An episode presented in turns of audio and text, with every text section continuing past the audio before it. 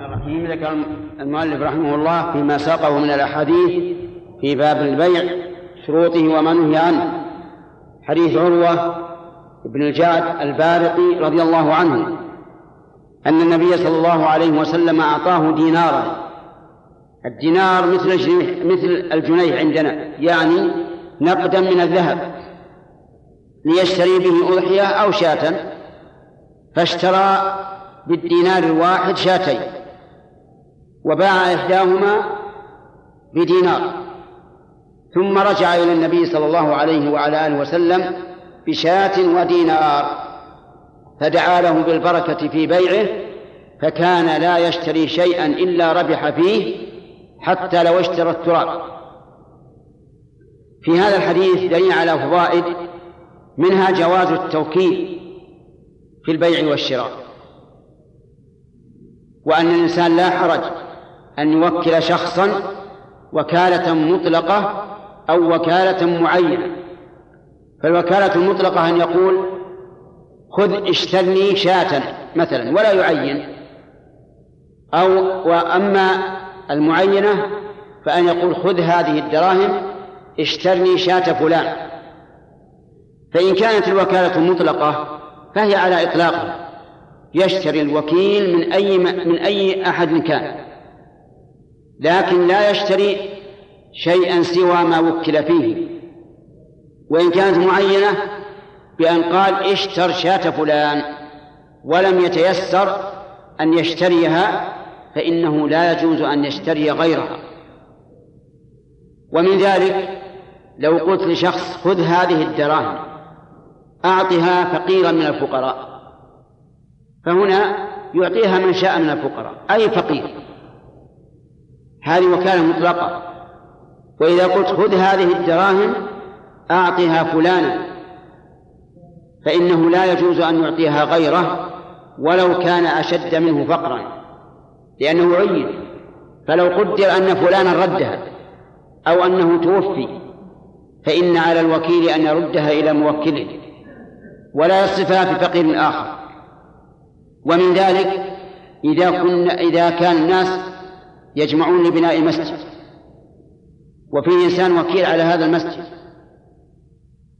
فأعطي دراهم على أن يصرفها في هذا المسجد ثم إن المسجد استغنى عنها واكتمل بناؤه. فلا يجوز له أن يصرفها في مسجد آخر بل يردها إلى أصحابها. أما لو قلت خذ هذه الدراهم اصرفها في بناء مسجد فإنه يصرفها في أي مسجد شاء يحتاج إلى بناء. ولهذا أمثلة كثيرة. وفي هذا الحديث أيضا حديث عروة رضي الله عنه فيه دليل على جواز تصرف الوكيل فيما يرى أنه مصلحة ويقف هذا على إجازة الموكل. إن وافق وإلا رد التصرف. فإن عروة وكله الرسول عليه الصلاة والسلام أن يشتري شاة بدينار. فاشترى شاتين هل هذا من مصلحة الموكل أو من مضرته؟ نعم من مصلحته. بدل ما يأتي بالشاة يأتي بالشاتين هذا من مصلحته. ثم إنه رضي الله عنه تصرف تصرفا آخر. باع إحدى الشاتين بدينار. ورجع بشاة ودينار. هل بيعه للشاة الثانية من مصلحة الوكيل الموكل؟ نعم لأنه يفهم أن غرض الرسول عليه الصلاة والسلام شاة واحدة ما يريد شاتين. والشاة الواحدة تحصل إذا باع أختها. فقد باع أختها بدينار ورجع بشاة ودينار. وهذا التصرف يسميه الفقهاء تصرف الفضولي وهو, وهو, يعني تصرف فضولي أن يتصرف الإنسان لغيره على تصرفا موقوفا على إذنه. فإذا أذن نفذ التصرف في أي شيء في البيع والشراء وغيره. وهل يكون هذا في النكاح؟ بأن يتزوج إنسان لشخص يعني يعلم أن فلانا يبحث عن زوجة فوجد امرأة فتزوجها لفلان يعني وقال لوليها إن فلانا يريد أن يتزوج ويذكر من صفاته ما يقتنع به ولي المرأة والمرأة ثم يتزوجها لصاحب فيقول الولي زوجت فلانا فلانة ما يقول زوجتك؟ بل يقول زوجت فلانا فلانة فيقول قبلت النكاح لفلان. ثم يوافق على هذا العقد. فالعقد يصح. لأن لأن أصل بطلان العقد بغير إذن صاحبه لحق الإنسان مو لحق الله عز وجل. فإذا أذن في ذلك صار هذا جائزا. وقد يكون التصرف الفضولي في النكاح أمرا لا بد منه كامرأة المفقود. رجل مثلا فقد إما اجترفه الوادي الشعيب يعني السير اجترفه وخفي خبره بعد هذا. أو ذهب في في الحرب وخفي خبره. أو نزل في البحر يسبح ثم خفي خبره. هذا يسمى عند العلماء إيش؟ المفقود. كل من غاب ولم يعلم أحي هو ميت فهو مفقود. المفقود يضرب له مدة. يعني القاضي يضرب مدة يقول إذا مضى كذا وكذا شهر أو سنة حسب ما يرى فإنه يعتبر ميتا. في هذه الحال إذا مضت المدة يقسم ميراثه يقسم ماله. بين ورثته وتتزوج امرأته. فإن قدر أنه رجع فهو بالخيار بالنسبة لامرأته التي تزوجت.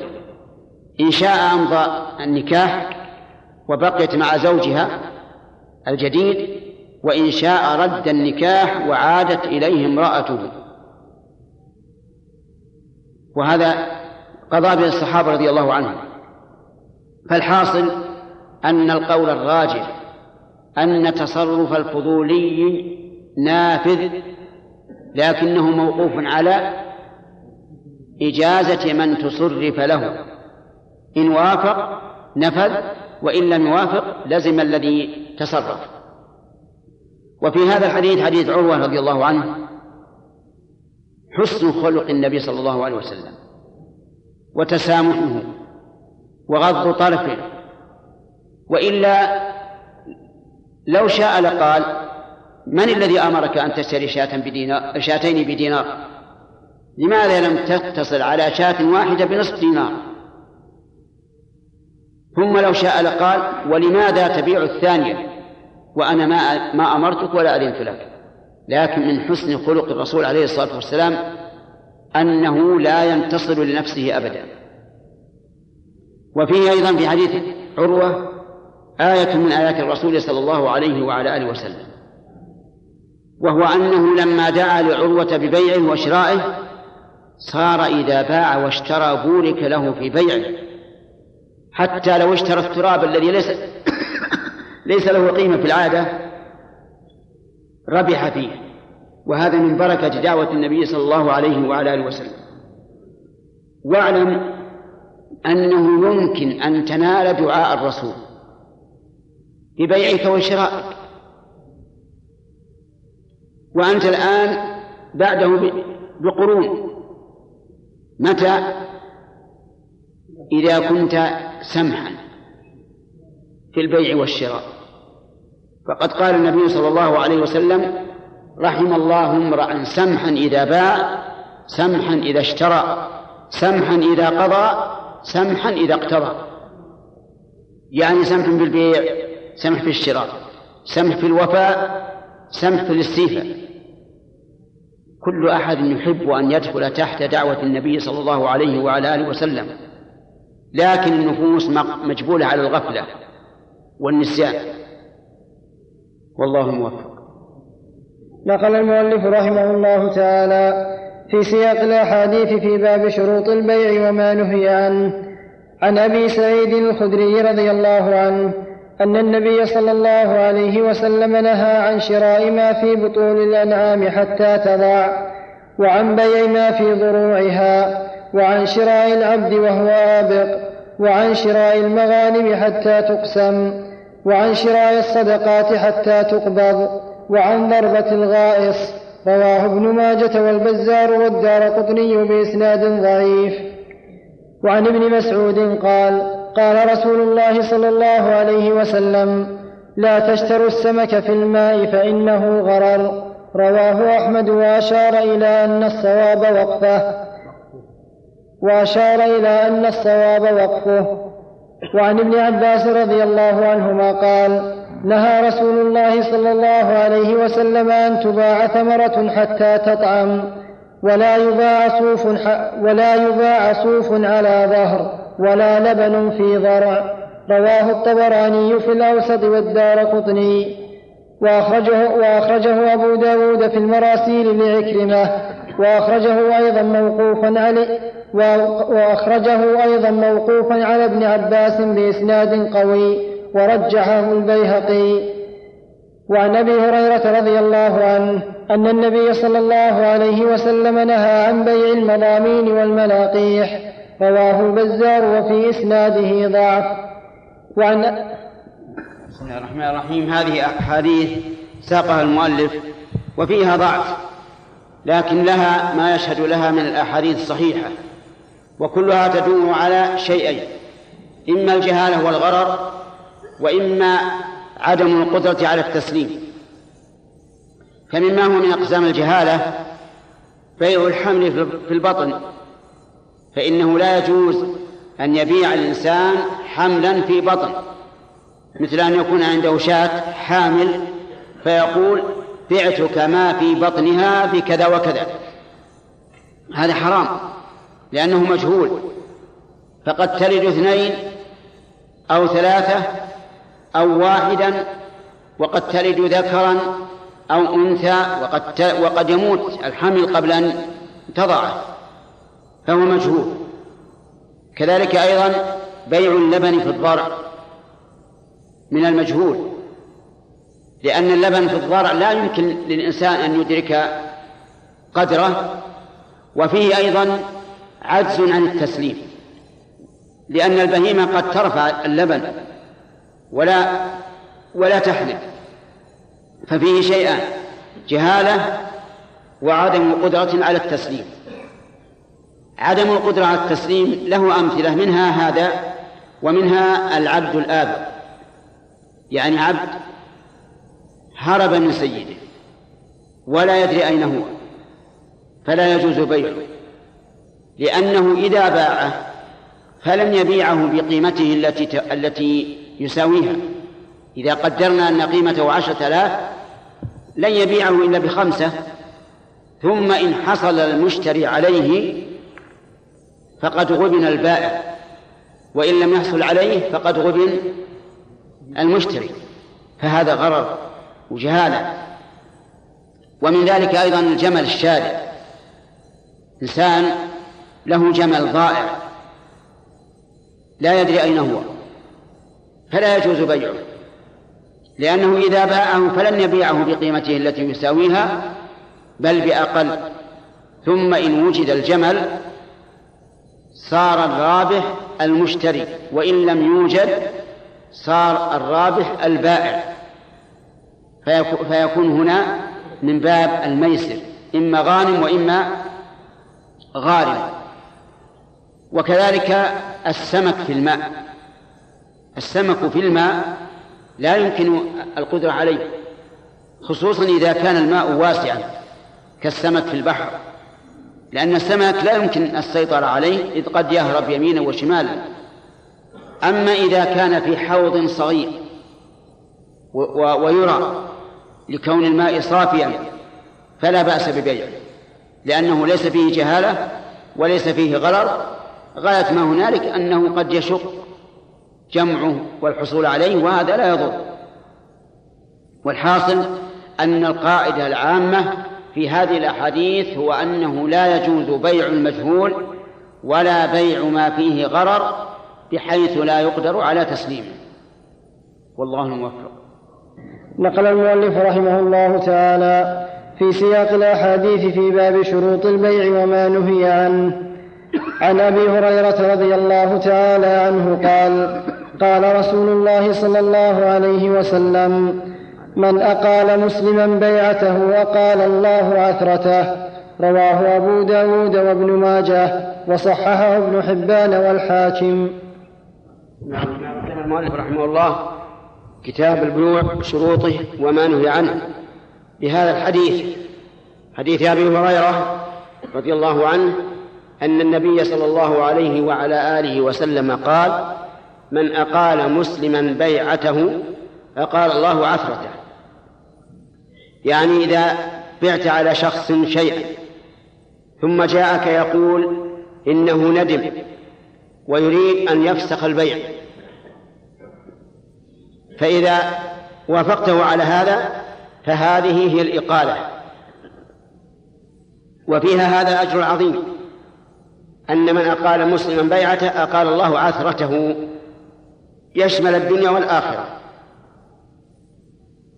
وكذلك بالعكس. لو أن البائع بعد أن باع أتى إلى المشتري وقال يا فلان إني بعت عليك كذا وإني ندمت.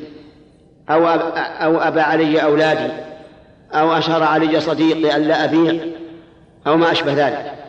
فإذا أقاله المشتري حصل له هذا الثواب أن الله تعالى يقيل عثرته. فيستفاد من هذا الحديث فضيلة الإقالة. إقالة النادم من بائع أو مشتري وأن فيه هذا الثواب وأن الجزاء من جنس العمل. ثم اختلف العلماء رحمهم الله هل يجوز أن نقيل بالإضافة إلى شيء من من الدراهم؟ مثل أن يأتي البائع إلى المشتري ويقول يا فلان بعت عليك هذا الشيء ولا شك أن البيع لك أن الملك لك لكن أقلني. فيقول لا أقيلك إلا أن تعطيني كذا وكذا. فبعض العلماء يرى أنه لا يجوز ومن العلماء من يقول إنه جائز وهو الصحيح. وذلك لأن المشتري تعلقت نفسه بهذه السلعة فإذا أعطيته شيئا طابت نفسه. كذلك بالعكس لو أن المشتري هو الذي جاء إلى البائع وقال إني اشتريت منك كذا وكذا ولكني ندمت أو أبى علي أبنائي أو أخ أو إخواني أو أصدقائي أو ما أشبه ذلك فقال نعم أنا أقيلك لكن تعطيني من الثمن كذا وكذا مثل هو اشتراه بعشرة آلاف قال ما في مانع أقيلك لكن أخصم عليك من العشرة ألف ريال.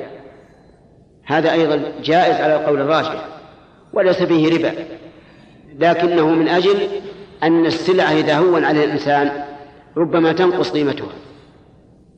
ويكون في ضرر على المقيم. فالصواب أنه لا بأس أن تكون الإقالة بعوض سواء كانت الإقالة من البائع أو من المشتري. وقوله عليه الصلاة والسلام من أقال مسلما بيعته كذلك يقال مثله في الإجارة مثلا في الرهن. لو أنه آجره بيته ثم رجع وقال أقلني أنا آجرتك ولكني الآن ندمت وأريد البيت أسكنه أو أو أو أوجره لقريبي أو ما أشبه ذلك فإذا أقاله حصل له هذا الثواب. ثم إنه حسب جار العادة وحسب التتبع نجد أن الإنسان إذا أقال أخاه فإن الله يبارك له ويكون هذا خير ساقه الله إليه كثيرا ما إذا أقل البائع المشتري ربح بالسلعة وكذلك بالعكس. فلهذا نقول الإقالة مستحبة وفيها هذا الثواب ويرجى أن يخلف الله تبارك وتعالى على من أقال. والله موفق. سبحان الله سبحان الله سبحان الله. قال رحمه الله تعالى باب الخيار. عن ابن عمر رضي الله عنهما عن رسول الله صلى الله عليه وسلم أنه قال إذا تبايع الرجلان فكل واحد منهما بالخيار ما لم يتفرقا وكانا جميعا أو يخير أحدهما الآخر فإن خير أحدهما الآخر فتبايعا على ذلك فقد وجب البيع وإن تفرقا بعد أن تبايعا ولم يترك واحد منهما البيع فقد وجب البيع متفق عليه واللفظ لمسلم. وعن عمرو بن شعيب عن أبيه عن جده رضي الله عنهما أن النبي صلى الله عليه وسلم قال البائع والمبتاع بالخيار حتى يتفرقا إلا أن تكون صفقة خيار ولا يحل له أن يفارقه خشية أن يستقيله. رواه الخمسة إلا ابن ماجه ورواه الدار قطني وابن خزيمة وابن الجارود وفي رواية حتى يتفرقا عن مكانهما. وعن ابن بسم الله الرحمن الرحيم. قال المؤلف رحمه الله تعالى في كتابه بلوغ المرام باب الخيار. الخيار هو الأخذ بخير الأمرين وهو أنواع وأقسام كلها جاءت بها السنة. الأول خيار المجلس يعني إذا تبايع الرجلان فما داما في المجلس فلكل واحد منهما أن يفسخ البيع. سواء لسبب أو لغير سبب. لأن, لأن النبي صلى الله عليه وسلم قال إذا تبايع الرجلان فكل واحد منهما بالخيار. والإنسان قد يكون مشفقا على الشيء حريصا عليه ما دام في ملك غيره. فإذا حصل له نزلت قيمته في نفسه و وأحب أن يفسخ البيع. فلذلك جعل الشارع له نفسا وخيارا. ما دام في المجلس إن شاء أمضى البيع وإن شاء لم يمضي. إلا إذا إلا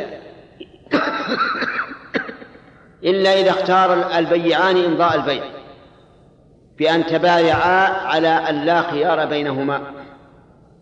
بأن قال بعتك هذا بألف ولا خيار بيننا فقال قبلت فلا خيار ولو كان في المجلس. فإن خير أحدهما الآخر بأن قال لصاحبه الخيار لك ولا خيار لي. أو الخيار لي ولا خيار لك. فتبايع على ذلك صح ووجب البيع لمن لا خيار له. لأن هذا حق لهما فإذا رضي بإسقاطه أو رضي أحدهما بإسقاط حقه فلا بأس. أو يتبايع على أن لهما الخيار بعد التفرق لمدة معلومة بأن يقول بعتك هذا بألف ولي الخيار لمدة ثلاثة أيام أو أربعة أو خمسة أو عشرة ويقول الآخر مثل ذلك. فيكون لكل واحد منهم الخيار ما دام ما دامت المدة باقية. وكذلك يجوز أن يشترط الخيار لأحدهما دون الآخر. بأن يقول بعتك هذا بألف ولا خيار لك ولي الخيار لمدة ثلاثة أيام. أو يقول لا خيار لي ولك الخيار لمدة ثلاثة أيام. كل هذا واسع والحمد لله. وفي قوله صلى الله عليه وسلم فقد وجب البيع دليل على أن البيوع من العقود اللازمة التي إذا حصل التفرق صار عقدا لازما لا يمكن فسخه. إلا برضا الطرفين. وفي حديث عمرو بن شعيب عن أبيه عن جده ما يدل لذلك أيضا أي لإثبات خيار المجلس إلا أنه قال لا يحل له أن يفارقه خشية أن يستقيله. يعني مثلا إذا باعه الشيء بألف ريال فهو ما دام في المجلس له الخيار. فخشي أنه أن صاحبه يفسخ البيع فقام.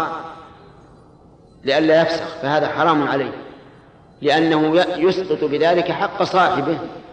أما إذا قام على أنه انتهى المجلس ويريد أن يمشي إلى أهله أو إلى شغله فلا حرج عليه. وحينئذ ينتهي الخيار.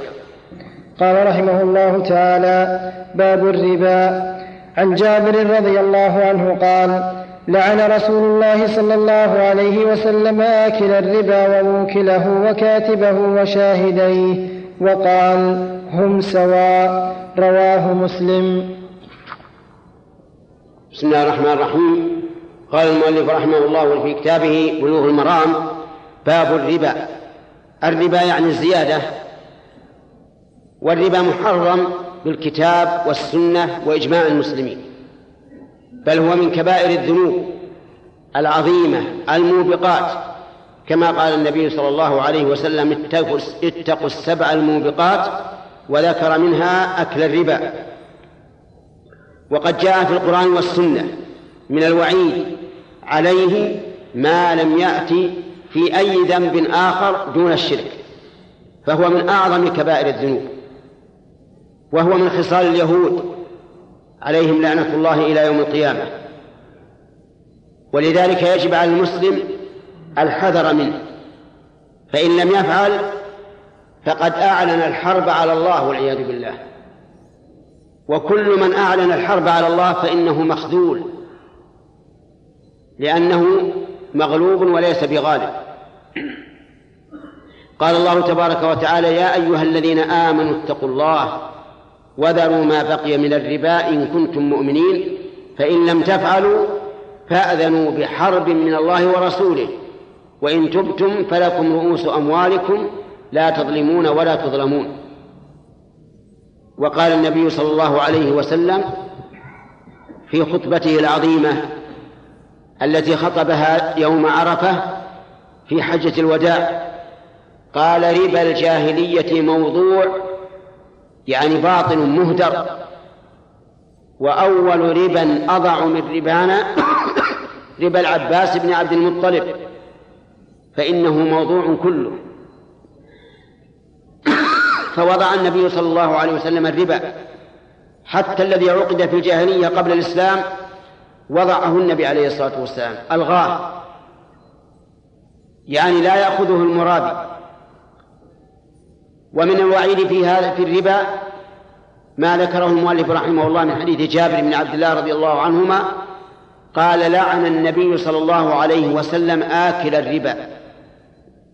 وموكل الربا وكاتب الربا وشاهدي الربا.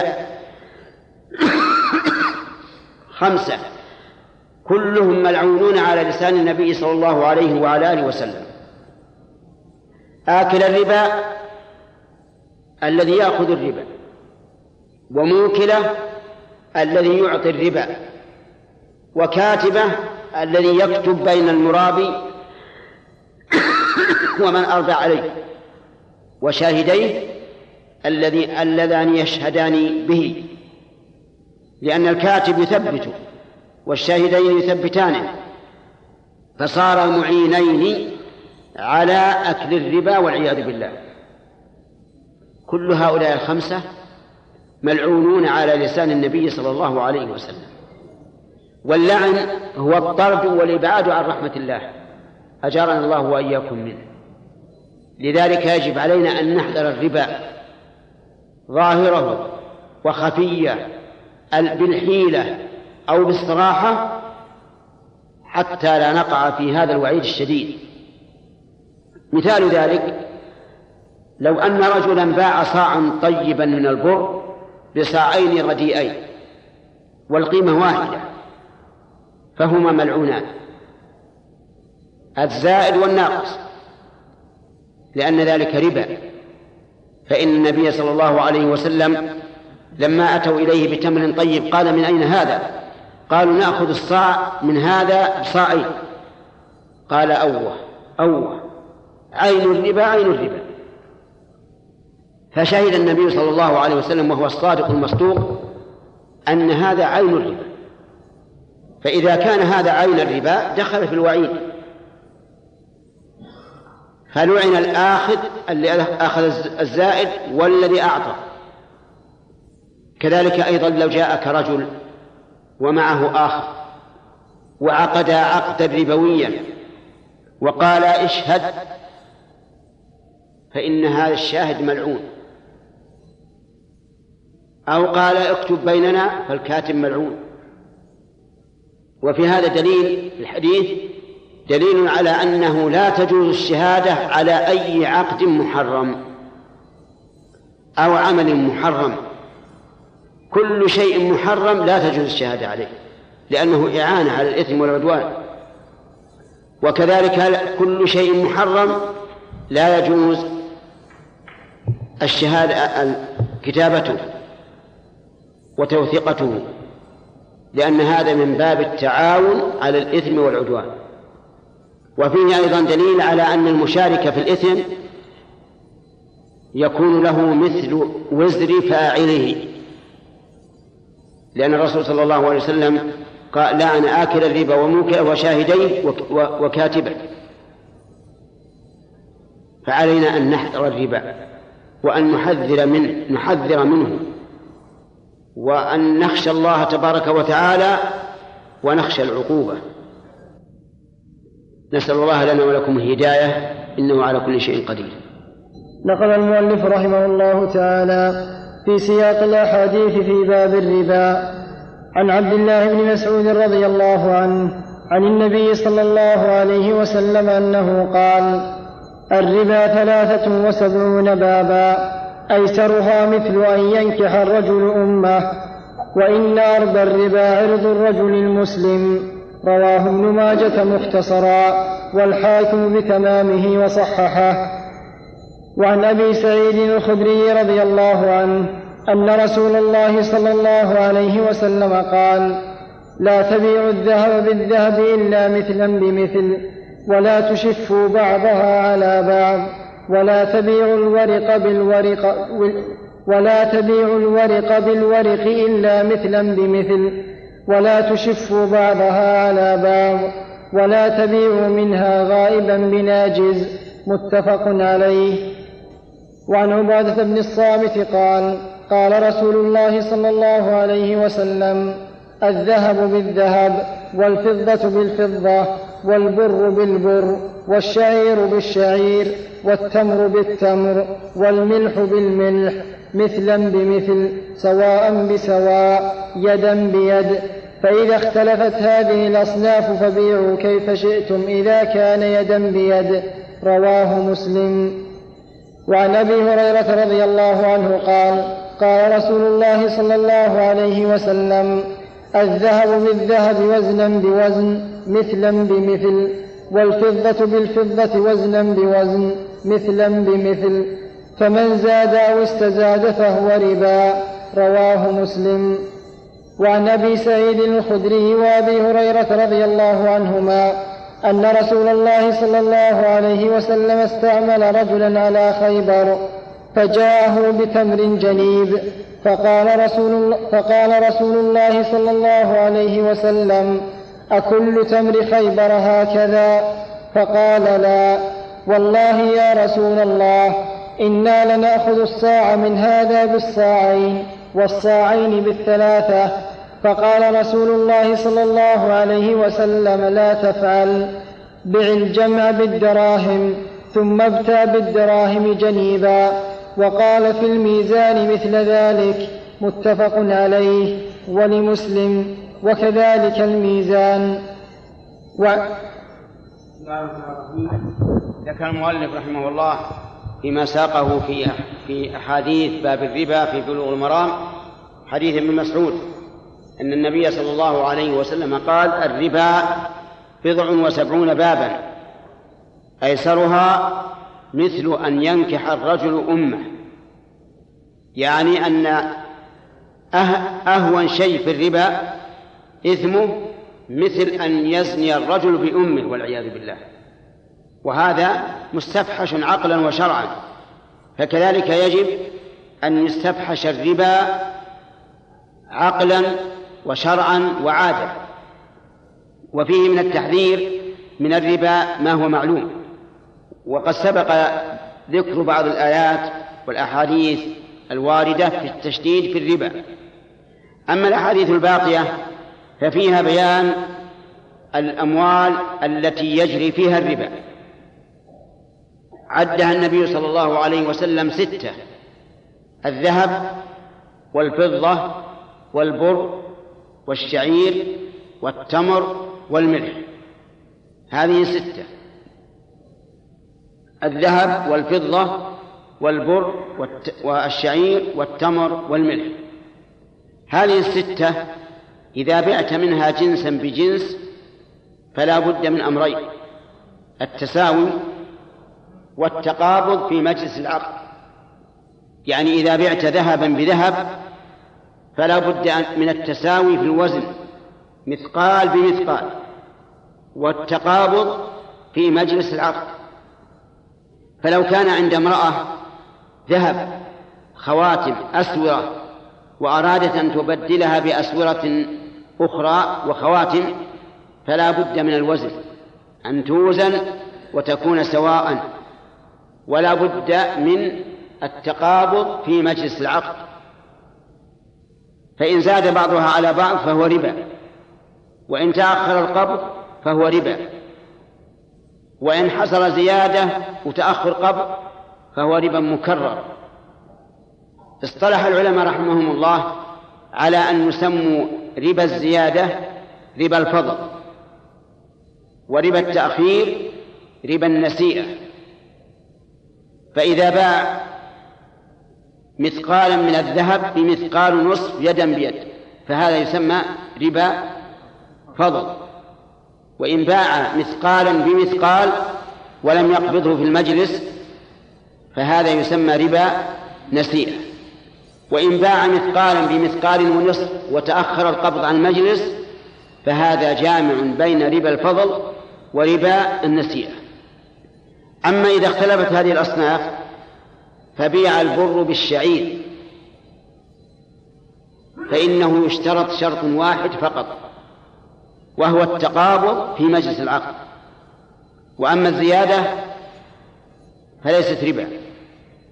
مثال هذا إذا باع صاعا من البر بصاعين من الشعير وتقابضا في مجلس العقد فهذا جائز لا بأس به. حتى وإن كان أحدهما أكثر من الآخر لأن لاختلاف الجنس. ولهذا قال النبي عليه الصلاة والسلام إذا اختلفت هذه الأصناف فبيعوا كيف شئتم. يعني زيادة أو نقص أو تساوي كله سواء. إذا كان يدا بيد. وإذا باع تمرا ببر صاعا بصاعين وحصل القبض في المجلس فالبيع صحيح وجائز. والزيادة لا تضر لأن الجنس مختلف. وإن باع صاعا من التمر بصاع من البر لكن تأخر القبض فهو ربا. حتى وإن كانوا متساويين لأنه يشترط التقابض في مجلس العقد. وإن باع برا بدراهم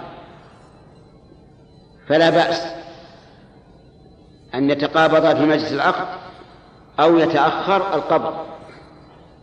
وذلك لأن السلم مجمع عليه على جوازه ودلت السنة على جوازه وفيه تقديم الثمن وتأخير المثمن. فالصحابة لما قدم النبي صلى الله عليه وسلم وجدهم يسلم يسلفون في الثمار السنة والسنتين. يعني أن الرجل يأتي إلى الفلاح ويقول خذ هذه مئة درهم بمئتين صاع من التمر. والقبض لم يحصل فأجاز ذلك النبي صلى الله عليه وسلم. وقال من أسلف في شيء فليسلف في كيل معلوم ووزن معلوم إلى أجل معلوم. ولهذا قال العلماء إذا كان أحد العوضين نقدا يعني دراهم أو دنانير فلا بأس من تأخير القبض.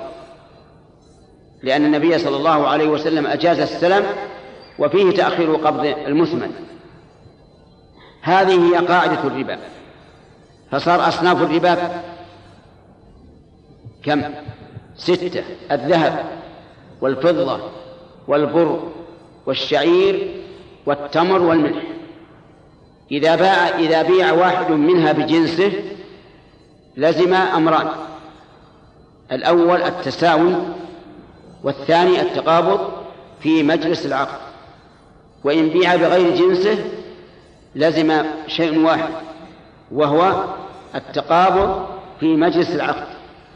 إلا إذا بيع الطعام من بر أو شعير أو تمر أو ملح إذا بيع بالدراهم والدنانير فلا بأس بتأخير القبض والدليل على إخراج هذا هو إجازة النبي صلى الله عليه وعلى آله وسلم السلم والسلم فيه تقديم الثمن وتأخير المثمن. والله موفق. نقل المؤلف رحمه الله تعالى في سياق الأحاديث في باب الربا عن جابر بن عبد الله رضي الله عنهما قال نهى رسول الله صلى الله عليه وسلم عن بيع الصبرة من التمر التي لا يعلم مكيلها بالكيل المسمى من التمر. رواه مسلم. وعن معمر بن عبد الله رضي الله عنه قال إني كنت أسمع رسول الله صلى الله عليه وسلم يقول الطعام بالطعام مثلا بمثل وكان طعامنا يومئذ الشعير. رواه مسلم. وعن فضالة بن عبيد رضي الله عنه قال اشتريت يوم اشتريت يوم خيبر قلادة باثني عشر دينارا فيها ذهب وخرز ففصلتها فوجدت فيها أكثر من اثني عشر دينارا فذكرت ذلك للنبي صلى الله عليه وسلم فقال لا تباع حتى تفصل رواه مسلم. وعن سمرة بن جندب أن النبي صلى الله عليه وسلم نهى عن بيع الحيوان بالحيوان نسيئة. رواه الخمسة وصححه الترمذي وابن الجارود. وعن ابن عمر رضي الله عنهما قال سمعت, سمعت رسول الله صلى الله عليه وسلم يقول إذا, تبايا إذا تبايعتم بالعينة وأخذتم أذناب البقر ورضيتم بالزرع وتركتم, الجه وتركتم الجهاد سلط الله عليكم ذلا لا ينزعه حتى ترجعوا إلى دينكم. رواه أبو داود من رواية نافع عنه وفي إسناده مقال ولأحمد نحوه من رواية عطاء ورجاله ثقات وصححه ابن القطان. بسم الله الرحمن الرحيم. هذه أحاديث ذكرها الحافظ ابن حجر في بلوغ المرام فيما يتعلق بالربا. منها حديث جابر رضي الله عنه أن النبي صلى الله عليه وسلم نهى عن بيع الصبرة من الطعام عن بيع الصبرة من التمر. لا يعلم مكيلها بالكيل المسمى من التمر. الصبرة يعني الكومة كومة من التمر. يبيعها الإنسان بآصع معلومة من التمر نهى, نهى عنه النبي عليه الصلاة والسلام. ووجه النهي أن هذه الصبرة لا يعلم كم كيلها. وبيع التمر بالتمر لا بد أن يعلم أنهما متساويان في الكيل. وقد سبق أن النبي صلى الله عليه وسلم قال التمر بالتمر مثلا بمثل سواء بسواء يدا بيد. وأنه لما جيء إليه بتمر جيد سأل عنه فقالوا كنا نأخذ الصاع من هذا بالصاعين والصاعين بالثلاثة. فقال النبي صلى الله عليه وسلم لا تفعلوا وأرشدهم إلى أن يبيعوا التمر الرديء بدراهم ثم يشتروا بالدراهم تمرا جيدا.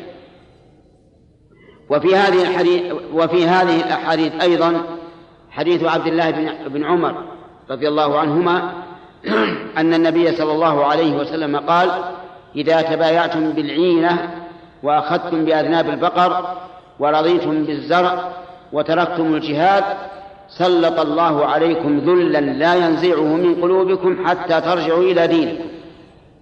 العينة أن تبيع الشيء بثمن مؤجل وتشتريه بأقل منه نقدا. مثال ذلك أن تبيع هذه السيارة على شخص بخمسين ألفا إلى سنة ثم تشتريها منه بأربعين ألفا نقدا فهذه هي العينة وهي حرام. توعد النبي صلى الله عليه وسلم على من يتعاطونها بما ذكره في الحديث وقول أخذتم بأذناب البقر يعني أنكم اشتغلتم بالحرث. عن الجهاد في سبيل الله. ورضيتم بالزرع عن الجهاد. ولهذا قال تركتم الجهاد فإن الله يسلط عليكم ذلا لا ينزعه من دينكم لا ينزعه من قلوبكم حتى ترجعوا إلى دينكم. فالعينة حرام لأن حقيقتها أنها ربا. بيع دراهم بدراهم دخلت بينهما سلعة.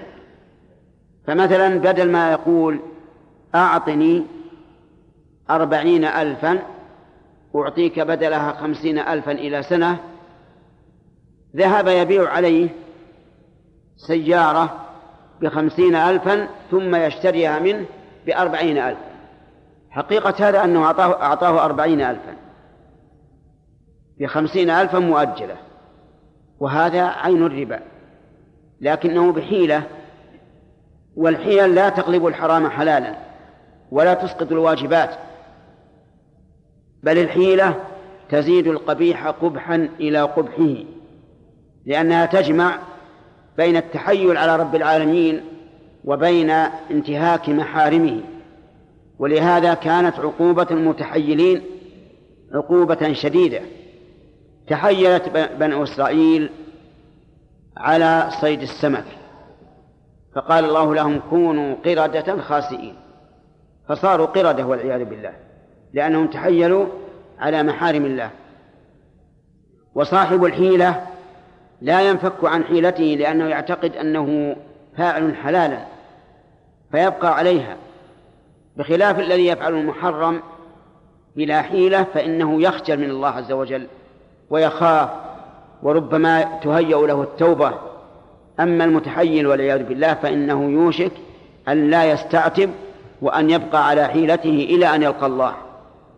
كذلك أيضا حديث فضالة بن عبيد ذكره المؤلف أن أنه رضي الله عنه اشترى قلادة من ذهب فيها ذهب وخرز اشتراها باثني عشر دينارا. ففصلها يعني عزل الخرز من الذهب فوجد فيها أكثر. فنهاه النبي صلى الله عليه وسلم عن ذلك حتى تفصل ويعرف أن الذهب على وزن الذهب. لأن الذهب بالذهب لا بد أن يكون وزنا بوزن. حتى لو فرض أن هذا النوع من عيار 24 وهذا من عيار 18 فإنه لا يجوز بيع بعضه ببعض إلا وزنا بوزن. وإذا احتاج الإنسان فليبع الذهب بدراهم ويشتري بالدراهم ذهبا على ما يريد. لكن لا يشتري ممن باع عليه فتكون مثل الحيلة. يبيع الذهب على شخص آخر ويأخذ الدراهم ويذهب إلى الشخص الآخر ويشتري منه الذهب الذي يريد. والله موفق. نقل المؤلف رحمه الله تعالى في سياق الأحاديث في باب الربا. عن عبد الله بن عمرو بن العاص رضي الله عنهما قال لعن رسول الله صلى الله عليه وسلم الراشي والمرتشي. وعنه رضي الله عنه أن النبي صلى الله عليه وسلم أمره أن يجهز جيشا فنفدت الإبل فأمره أن يأخذ على قلائص الصدقة. قال فكنت آخذ البعير بالبعيرين إلى إبل الصدقة. رواه الحاكم والبيهقي ورجاله ثقات. وعن ابن عمر رضي الله عنهما قال نهى رسول الله صلى الله عليه وسلم عن المزابنة أن يبيع ثمر حائطه إن كان نخلا بتمر كيلا وإن كان كرما أن يبيعه بزبيب كيلا. وإن كان زرعا وإن كان زرعا أن يبيعه بكيل طعام. نهى عن ذلك كله. متفق عليه. هذه أحاديث لها علاقة بالربا من بعض الوجوه وبعضها من الربا الصريح. فأما الأول فهو حديث عبد الله بن عمرو رضي الله عنهما أن النبي صلى الله عليه وسلم لعن الراشي والمرتشي. الراشي باذل الرشوة والمرتشي آخذها. والرشوة كل مال يبذل للتوصل إلى باطل إما بذاته وإما بغيره. فمثلا إذا كان الإنسان يتخاصم عند القاضي وأعطى القاضي مالا ليحكم له بالباطل فهذه رشوة.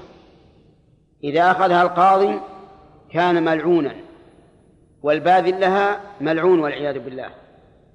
ومثل ذلك أيضا من يعطي المسؤولين عن الوظائف يعطيهم رشوة ليوظفوه فيما لا يستحق أو فيما غيره أحق منه. يعني مثلا إنسان هو الذي يكتب وظائف الناس فيأتي إليه الشخص ويعطيه دراهم من أجل أن يوظفه. إما في وظيفة لا يستحقها لنزول شهادته عن مستواها وإما في وظيفة غير هذا أحق منه لأنه سابق. ولأنه أجدر بالقيام بها. فهذا أيضا غاشي ومرتشي.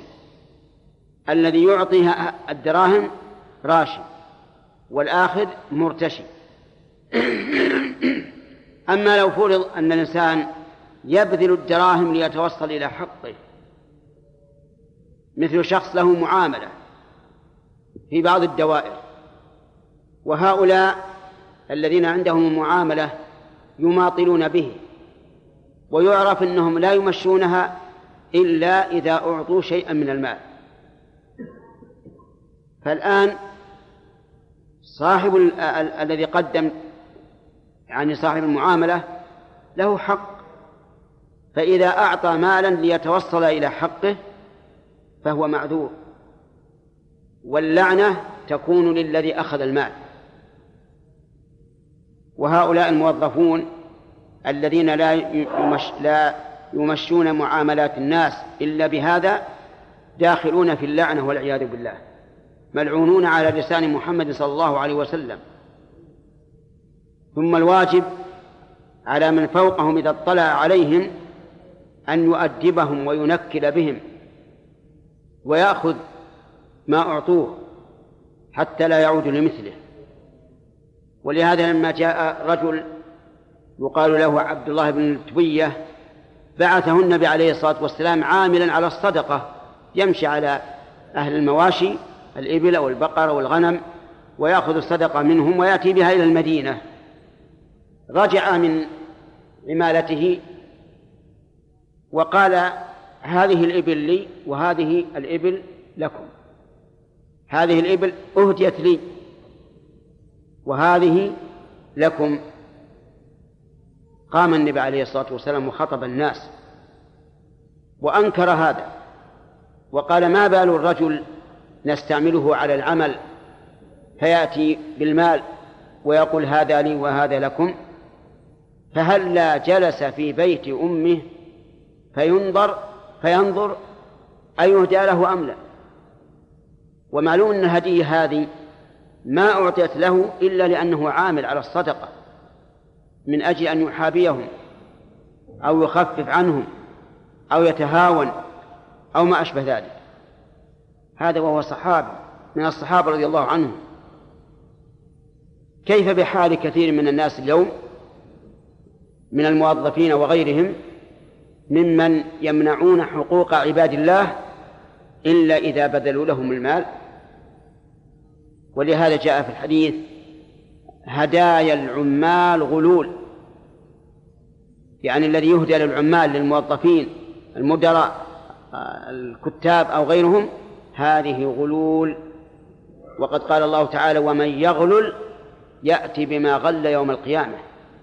والعياذ بالله يأتي بما أعطي في الدنيا يحمله على عنقه يوم القيامة يعذب به في يوم كان مقداره خمسين ألف سنة. نسأل الله العافية.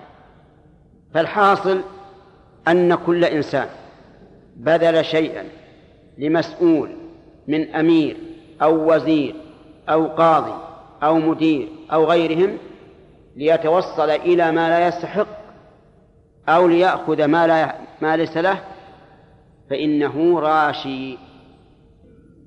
أما من بذل من بذل ذلك ليتوصل إلى حقه فهو معذور والإثم على الآخر.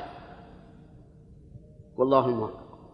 نقل المؤلف رحمه الله تعالى في سياق الأحاديث في باب الربا عن سعد بن أبي وقاص رضي الله عنه قال سمعت رسول الله صلى الله عليه وسلم يسأل عن اشتراء الرطب بالتمر فقال أينقص الرطب إذا يبس؟ أينقص الرطب إذا يبس؟ قالوا نعم. فنهى عن ذلك. رواه الخمسة وصححه ابن المديني والترمذي وابن حبان والحاكم. وعن ابن عمر وعن ابن عمر أن النبي صلى الله عليه وسلم نهى عن بيع الكالئ بالكالئ يعني الدين بالدين يعني الدين بالدين. رواه إسحاق والبزار بإسناد ضعيف. هذه بقية فيما يتعلق بالربا.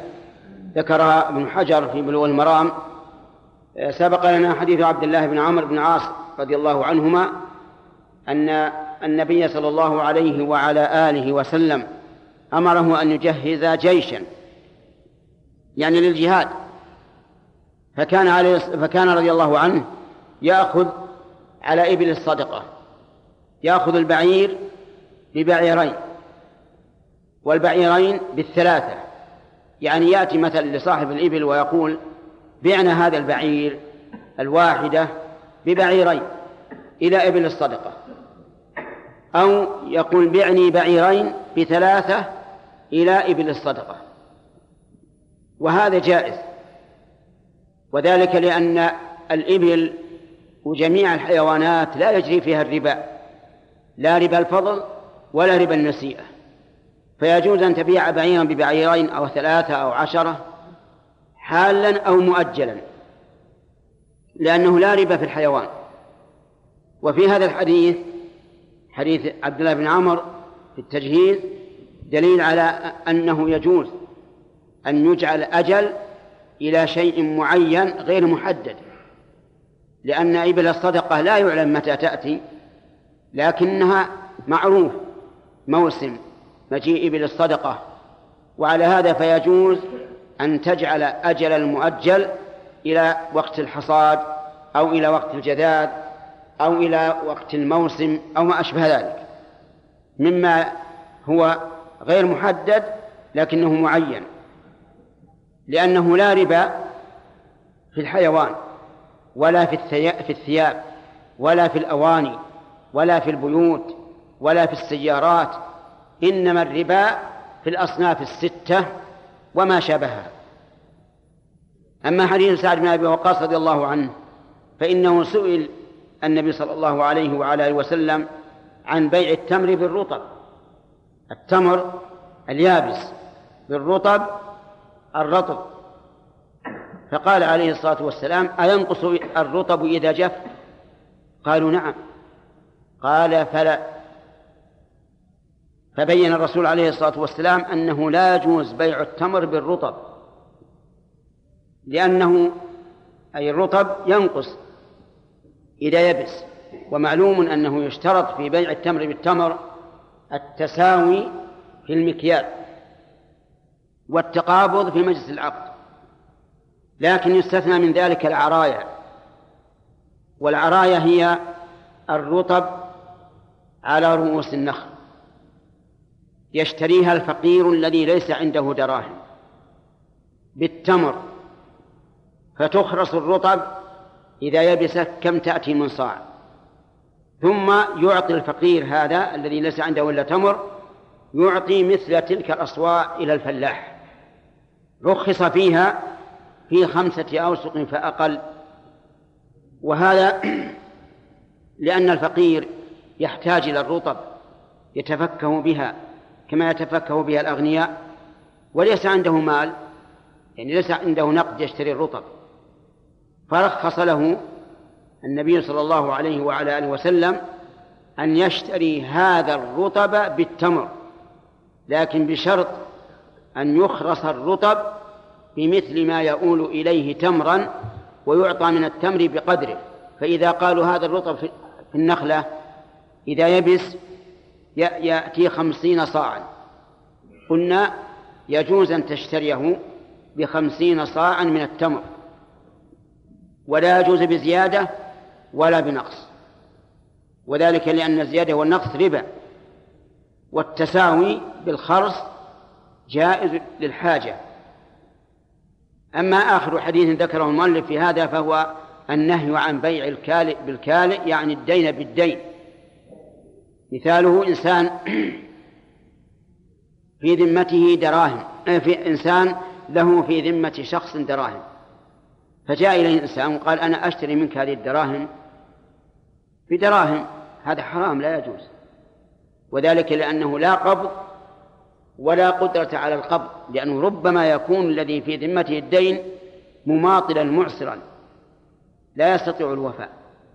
فلهذا نهى عنه النبي صلى الله عليه وعلى آله وسلم. أما إذا كان في ذمة الإنسان دين واشتراه بثمن سلمه للدائن فهذا لا بأس به لأن بيع الدين على من هو عليه جائز بشرط التقابض في مجلس العقد وأن يكون بسعر بسعر البيع لا بسعر الدين وقت وجوبه. اللهم قال رحمه الله تعالى أبواب السلم والقرض والرهن. عن ابن عن ابن عباس قال قدم النبي صلى الله عليه وسلم المدينة وهم يسلفون في الثمار السنة والسنتين. فقال من أسلف في ثمر فليسلف في كيل معلوم ووزن معلوم إلى أجل معلوم. متفق عليه. وللبخاري من أسلف في شيء. وعن عبد الرحمن بن أب وعن عبد الرحمن بن أبزة وعبد الله بن أبي أوفى رضي الله تعالى عنهما قالا كنا نصيب المغانم مع رسول الله صلى الله عليه وسلم وكان يأتينا أنباط وكان يأتينا أنباط من أنباط الشام فنسلفهم في الحنطة والشعير والزبيب. وفي رواية والزيت إلى أجل مسمى. قيل أكان لهم زرع؟ قال ما كنا ما كنا نسأل ما كنا نسألهم ذلك. رواه البخاري. وعن أبي هريرة رضي الله تعالى عنه عن النبي صلى الله عليه وسلم قال من أخذ أموال الناس يريد أداءها أدى الله عنه ومن أخذها يريد إتلافها أتلفه, أتلفه الله عليه. أتلفه الله تعالى رواه البخاري. وعن عائشة رضي الله عنها قالت قلت يا رسول الله إن فلانا قدم له بز من الشام. إن فلانا قدم له بز من الشام. فلو بعثت إليه فأخ فأخذ فأخذت منه ثوبين فأخذت منه ثوبين نسيئة إلى ميسرة فبعث إليه. فامتنع. أخرجه الحاكم والبيهقي ورجاله ثقات. قال المؤلف ابن حجر في كتابه في كتابه بلوغ المرام باب السلم والقرض والرهن. هذه ثلاثة أبواب جمعها في باب واحد لتقاربها السلم معناه أن الإنسان يدفع مالا يشتري به مالا آخر مؤجل.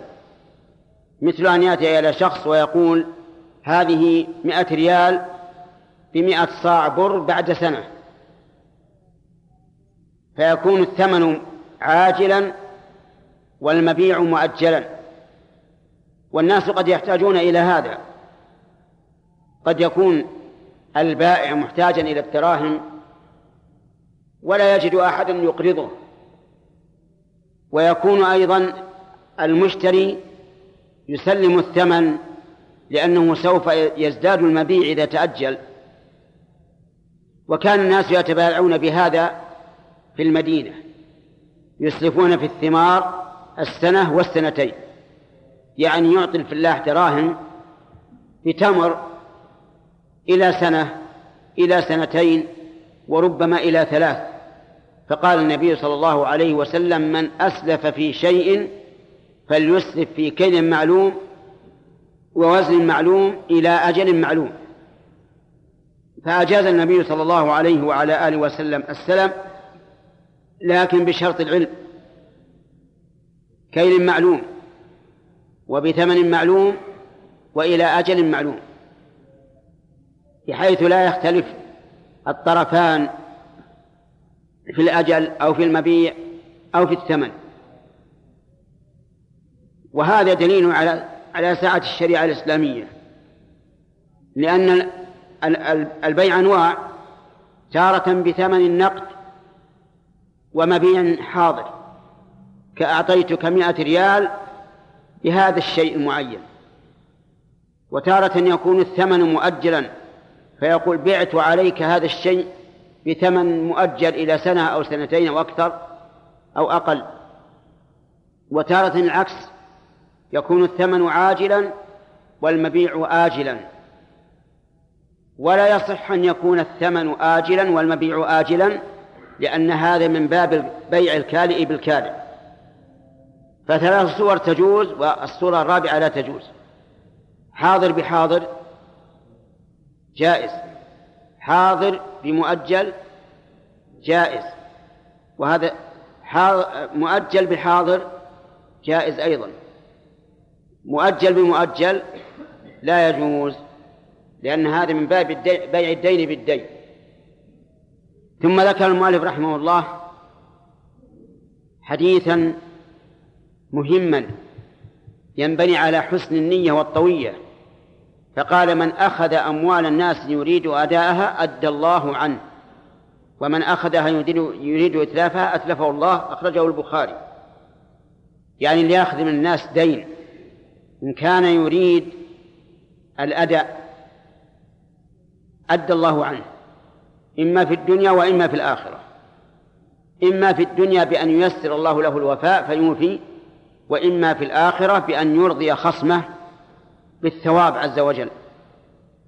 وذلك لحسن نيته وسلامة طويته. ومن أخذها يريد إتلافها أتلفه الله. إذا أخذها يتلاعب بالناس يشتري منهم بالدين وهو لا يريد الوفاء يستقرض وهو لا يريد الوفاء فهذا والعياذ بالله يتلفه الله. يسحت ماله في الدنيا ويأخذ من أعماله الصالحة في الآخرة. وفي هذا دليل على أنه يجب على الإنسان إحسان يجب على الإنسان أن يحسن النية في المعاملات حتى تكون المعاملات طيبة ويعينه الله عليها. وقد قال النبي عليه الصلاة والسلام إنما الأعمال بالنيات وإنما لكل امرئ ما نوى. والله الموفق نقل المؤلف رحمه الله تعالى في سياق الأحاديث في أبواب السلم والقرض والرهن. عن عائشة رضي الله عنها قالت قلت يا رسول الله إن فلانا قدم له بز من الشام فلو بعثت إليه فأخذت منه ثوبين نسيئة إلى ميسرة. فبعث إليه فامتنع. أخرجه الحاكم والبيهقي ورجاله ثقات. وعن أبي هريرة رضي الله عنه قال قال رسول الله صلى الله عليه وسلم الظهر يركب بنفقته إذا كان مرهونا ولبن الدر يشرب بنفقته إذا كان مرهونا وعلى الذي يركب ويشرب النفقة رواه البخاري. وعنه رضي الله عنه قال قال رسول الله صلى الله عليه وسلم لا يغلق الرهن من صاحبه الذي رهنه الذي رهنه له غنمه وعليه غرمه. رواه الدار قطني والحاكم ورجاله ثقات. إلا أن المحفوظ عند أبي داود وغيره إرساله. ذكر المؤلف رحمه الله في سياق الأحاديث التي ساقها في باب القرض في باب السلم والرهن والقرض حديث عائشة رضي الله عنها أن رجلا قدم له بز من الشام يعني ثياب فأرسل إليه النبي صلى الله عليه وسلم بمشورة عائشة رضي الله عنها أن يعطيه ثوبين إلى. نسيئة إلى ميسرة فامتنع الرجل أن يبيعها إلى أجل ولعله لم يعلم أن الرسول عليه الصلاة والسلام هو الذي بعث إليه. أو علم ولكنه يريد أن يأخذ الدراهم ليرجع ويتجر. أو لغير ذلك من الأسباب. وإذا قدر أنه لا سبب لذلك فالإنسان في البيع والشراء حر. له أن يمتنع من عن أغلى الناس عنده. وها هو جابر رضي الله عنه في جمله الذي مر علينا حديثه سابقا طلب منه النبي صلى الله عليه وسلم أن يبيعه عليه بأوقية وامتنع. قال لا لا أبيعه فالحاصل أن البيع والشراء لا ي... ليس. ليس على الإنسان ملامة فيه. في هذا الحديث دليل على جواز البيع نسيئة في غير ما يجري فيه الربا. فالثياب ليس فيها ربا. يجوز أن تبيع ثوبا بثوبين أو بثلاثة حاضر ومؤجل. ويجوز أن تبيع أن تشتري ثيابا بدراهم مؤجلة. وفي هذا الحديث دليل على أنه يجوز جعل الأجل مجهولا إذا كان المشتري بل إذا كان البائع لا يملك المطالبة قبل ذلك. لأنها لأن الرسول أرسل إليه أن يعطيه الثوبين إلى ميسرة يعني إلى أن يسر الله عليه وهذا أمر مجهول. لكن لما كان هذا هو مقتضى العقد صار الشرط جائزا.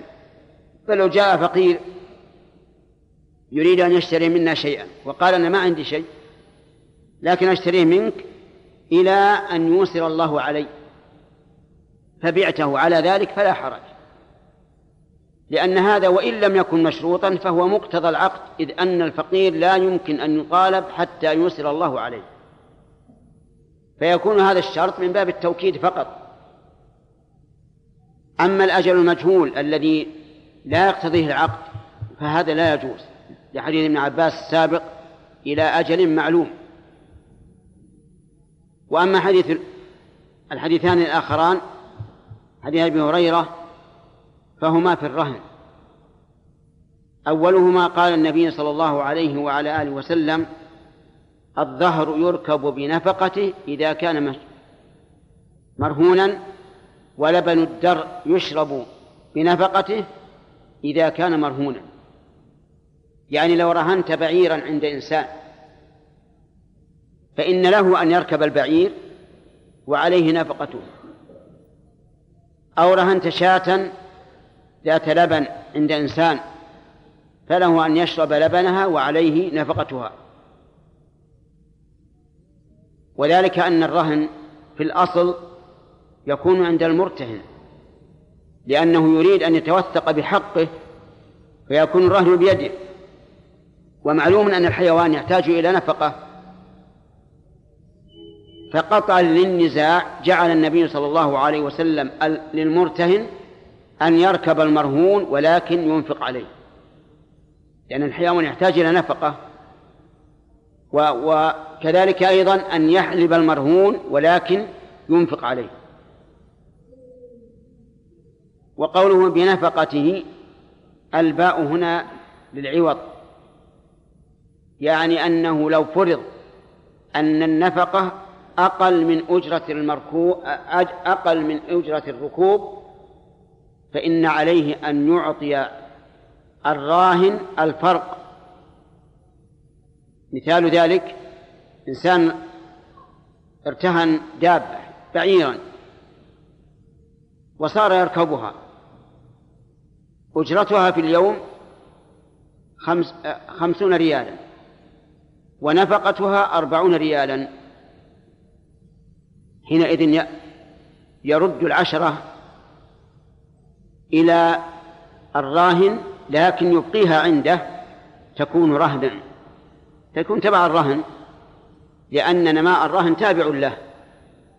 وكذلك يقال في الشاة إذا رهنها عند إنسان وكان لبنها أكثر قيمة من نفقتها فإن الزائد يكون لصاحبها لكن يأخذه المرتهن تبعا للرهن. يعني يكون رهانه أيضا. وأما الحديث الثاني حديث أبي هريرة فهو أن النبي صلى الله عليه وسلم قال لا يغلق الرهن من صاحبه له غنمه وعليه غرمه. وذلك أنهم كانوا في الجاهلية إذا رهن الإنسان شيئا صار للمرتهن يستغله وربما يستغل منه أكثر من الدين.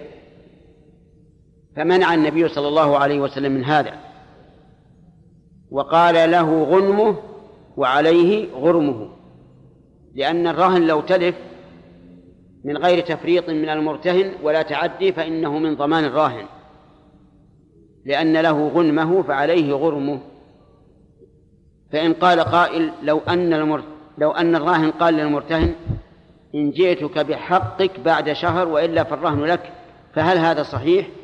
فالجواب أن هذا صحيح. وليس في هذا إغلاق للرهن. لأن الراهن رضي بذلك فإذا مضى الشهر وهو لم يوفه ملك المرهون. أي ملك المرتهن المرهون. لأن الراهن قال له إن أتيتك بحقك في خلال شهر وإلا فالرهن لك. لم يأتيه في خلال الشهر فيكون الرهن للمرتهن. وليس هذا بإغلاق لأنه حصل باختيار صاحبه. نقل المؤلف رحمه الله تعالى في, في سياق الأحاديث في أبواب السلم والقرض والرهن. عن أبي رافع رضي الله عنه أن النبي صلى الله عليه وسلم استسلف من رجل بكرا فقدمت عليه إبل من إبل الصدقة فأمر أبا رافع أن يقضي الرجل بكرة فقال لا أجد إلا خيارا رباعيا فقال أعطه إياه فإن خيار الناس أحسنهم قضاء. رواه مسلم. وعن علي قال قال رسول الله صلى الله عليه وسلم كل قرض جر منفعة فهو ربا. رواه الحارث بن أبي أسامة وإسناده ساقط. وله شاهد ضعيف عن فضالة بن عبيد عند البيهقي وآخر موقوف عن عبد الله بن سلام عند البخاري. هذا بقية هذه الأحاديث التي سبقت في باب السلم والرهن والقرض. بقي منها هذان الحديثان. الأول حديث أبي رافع رضي الله عنه أن النبي صلى الله عليه وسلم استسلف من رجل بكرا. يعني اقترض منه بكرا يعني ناقة صغيرة. فلما جاءت ابن الصدقة أمره أن يقضيه أن يعطيه بكرة. فقال إنه لم يجد إلا رباع خيارا رباعيا يعني إلا ناقة جيدة رباع. فقال النبي صلى الله عليه وسلم أو أعطه إياه فإن خير الناس أحسنهم قضاء. ففي هذا دليل على جواز استقراض الحيوان. يعني يجوز مثلا إذا نزل بك ضيف أن أن تذهب إلى شخص وتقول أقرضني شاة من أجل أن تذبحها إكراما للضيف فلا حرج. أو تستقرض منه قلما. أو ساعة أو ما أشبه ذلك. يعني أن القرض ليس خاصا بالدراهم. كل شيء يجوز بيعه فإنه يجوز قرض إلا بني آدم. يعني لو كان الإنسان يبي يستقرض أمة من شخص أو عبدا فهذا لا يجوز. وما عدا ذلك فالضابط فيما يجوز قرضه أن كل ما جاز بيعه جاز قرضه. المستقرض يرد مثله. إن استقرض بعيرا رد بعيرا مثله أو أحسن منه. إن رد إن رد بعيرا مثله فقد قام بالعدل.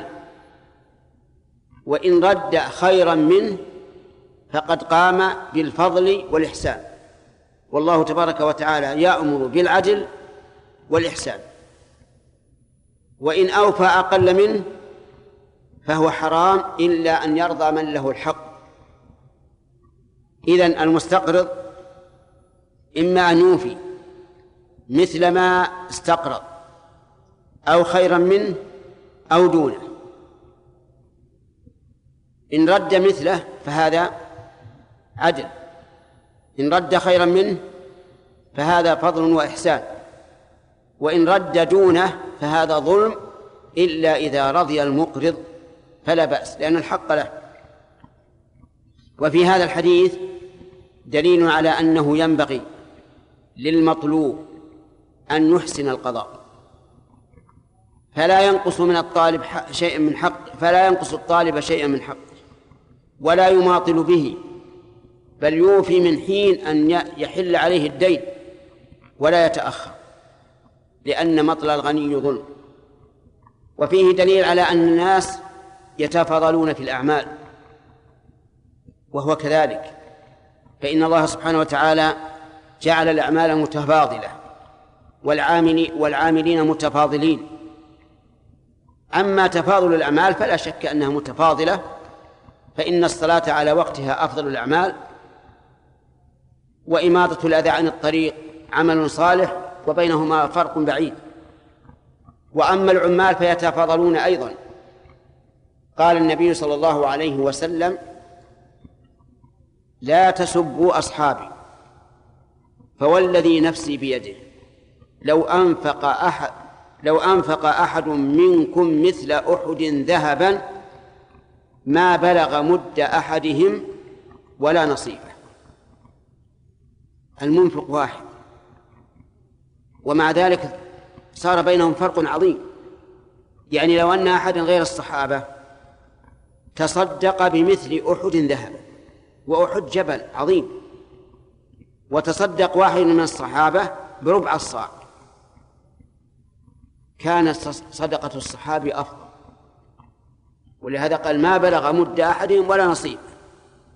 فهذا من جهة العامل. كذلك الأعمال تتفاضل من جهة الزمن. فقد صح عن النبي صلى الله عليه وعلى آله وسلم أنه قال ما من أيام العمل الصالح فيهن أحب إلى الله من هذه العشر يعني عشر ذي الحجة. فلو أن الإنسان تصدق بدرهم في عشر ذي القعدة وآخر تصدق بدرهم في عشر ذي الحجة لكان الثاني أفضل. لماذا؟ للزمن. الزمن أفضل كذلك تتفاضل الأعمال باعتبار المكان. فالصلاة في مسجد الكعبة بمئة ألف صلاة. والصلاة في مسجد النبي صلى الله عليه وعلى آله وسلم خير من ألف صلاة فيما عداه إلا المسجد الحرام. فهذا باعتبار إيش؟ باعتبار المكان. إذن الأعمال تتفاضل باعتبار المكان. والزمان والعمل وإيش؟ والعامل. والله سبحانه وتعالى حكيم. لا يمكن أن يفاضل بين أشياء إلا وهذا على وجه الحق والحكمة. وفيه دليل على على الحث على حسن القضاء كما قلنا. فمثل إذا حل عليك الدين أوفى بدون تأخير. وبدون نقص. وقد جاء في الحديث رحم الله امرأ سمحا إذا باع سمحا إذا اشترى سمحا إذا قضى سمحا إذا اقتضى. إذا قضى إذا أوفى. إذا اقتضى يعني إذا استوفى. فمن السماحة في الاستيفاء لو أن الرجل أتى إليك وقال والله أنا ما وجدت من حقك إلا نصف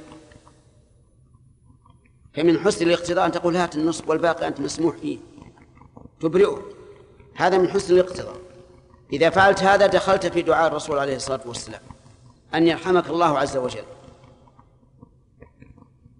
سمحا إذا قضى يعني أنه يقضي الإنسان حقه بدون تملل بدون تكرر بكل سهولة بكل يسر. أما الحديث الأخير الذي ختم به المؤلف الباب وهو كل حديث علي بن أبي طالب رضي الله عنه أن كل قرض جر منفعة فهو ربا. فهذا الحديث كما قال المؤلف إسناده ساقط ما هو صحيح لكنه من حيث المعنى صحيح. فلو أن أحدا أتى إليك وقال أقرضني آه، صاع رز لأنه نزل عندي ضيف أقرضني صاع رز قلت طيب ما عندي مانع. لكن أبى أقرضك رز متوسط بشرط أن توفيني رزا طيبا فهذا حرام لا يجوز. أو قلت نعم أقرضك رزا طيبا ولا صاعا ولكن توفيني صاع ونصف فهذا أيضا حرام. فكل قرض جر منفعة فهو حرام سواء صح هذا الحديث أو لم يصح. والله موفق الإشهاد في الدين سنة سنة مؤكدة. وإذا كان الدين ليتيم أو أحد موكلك فالإشهاد واجب إذا خفت أن يضيع الحق بدون إشهاد نقل المؤلف رحمه الله تعالى في سياق الأحاديث في باب التفليس والحجر. عن عمرو بن الشريد عن أبيه رضي الله عنه قال قال رسول الله صلى الله عليه وسلم لي الواجد يحل عرضه وعقوبته. رواه أبو داود والنسائي وعلقه البخاري وصححه ابن حبان. وعن ابن عمر رضي الله عنهما قال عرضت على النبي صلى الله عليه وسلم يوم أحد وأنا ابن أربع عشرة سنة فلم يجزني. وعرضت عليه يوم الخندق وأنا ابن خمس عشرة سنة فأجازني. متفق عليه. وفي رواية للبيهقي فلم يجزني ولم ولم يرني بلغت وصححه ابن خزيمة. وعن وعن عطية القرظي رضي الله رضي الله تعالى عنه قال: عرضنا على النبي صلى الله عليه وسلم يوم قريضة فكان من أنبت قتل ومن لم ينبت ومن لم ينبت خلى سبيله فكنت ممن لم ينبت فخلى سبيلي. رواه الأربعة وصححه ابن حبان والحاكم وقال على شرط الشيخين. هذه أحاديث ساقها ابن حجر في بلوغ المرام في باب التفليس والحجر. التفليس يعني الحكم بالفلس على من كان مدينا ودينه أكثر من ماله. وذلك أن الإنسان المدين الذي عليه الدين ينقسم إلى ثلاثة أقسام. القسم الأول من لا يجد شيئا فهذا لا يجوز التعرض له ولا طلبه ولا مطالبته ومن طالبه وهو معسر فإنه يعزر ويؤدب بما يرجعه وأمثاله عن مطالبة المعسرين لأن الله تبارك وتعالى قال وإن كان ذو عسرة فنظرة إلى ميسرة والذي يطالب المعسر الذي ليس عنده ما يوفي به مستحق للعقوبة والعياذ بالله. لأنه عصى الله تعالى. فقد قال الله تعالى وإن كان ذو عسرة فنظرة أي فعليه نظرة فعليكم نظرة تنظرونه حتى يسر الله عليه.